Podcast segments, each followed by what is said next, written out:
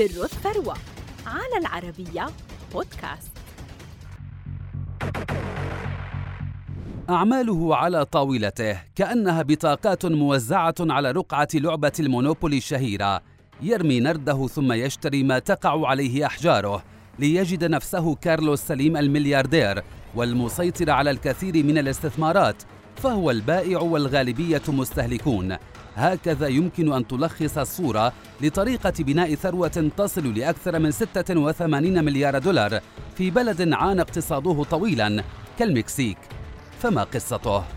ولد كارلوس سليم عام 1940 بالمكسيك.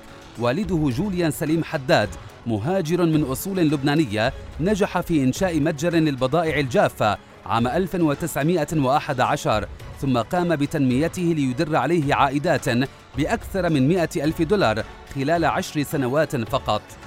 استغل جوليان عائدات متجره خلال الثورة المكسيكية بين عامي 1910 و 1917 في شراء العقارات في مكسيكو سيتي مقابل أجور زهيدة فأسس لثروة كبيرة. بدوره اهتم كارلوس الطفل الصغير بأعمال والده الذي توفي وهو في الثالثة عشرة فقط. فكان عليه أن يتولى رعاية أملاكه فعمل في تجارة والده دون إهمال دراسته حيث درس الهندسة المدنية وتلقى دورات في الاقتصاد وهو ما أهله ليصبح تاجر أسهم في مكسيكو سيتي وأسس شركة للوساطة عام 1965 قام كارلوس بشراء عدد من الشركات الصغيرة وأصبح يشتري ما استطاع من حصص بشركات كبرى مهما كانت مجالاتها مختلفة ومتباعدة.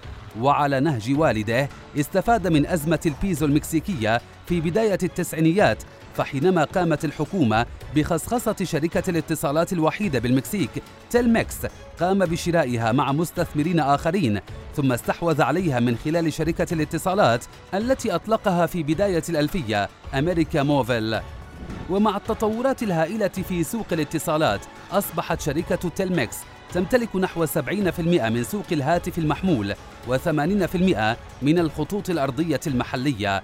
فيما تعد أمريكا موفل أكبر شركة هواتف محمولة في أمريكا اللاتينية. مع مرور الوقت سيطر سليم على السوق المكسيكية وأصبح يمتلك حصصا في شركات الإنشاءات والسلع الاستهلاكية والتعدين والعقارات المكسيكية والتكنولوجيا والاتصالات وحتى في العديد من الشركات الأمريكية بما في ذلك حصة بنحو 17% من صحيفة نيويورك تايمز. هيمنة سليم على السوق المكسيكية جعلت الدولة تعيد حساباتها وتضع حدا لهذا الاحتكار. من خلال المزيد من القوانين ففي عام 2014 تم منع شركة الاتصالات من فرض رسوم على منافسيها الأصغر وأجبرتها على مشاركة بنيتها التحتية مثل أبراج الهواتف المحمولة وغيرها.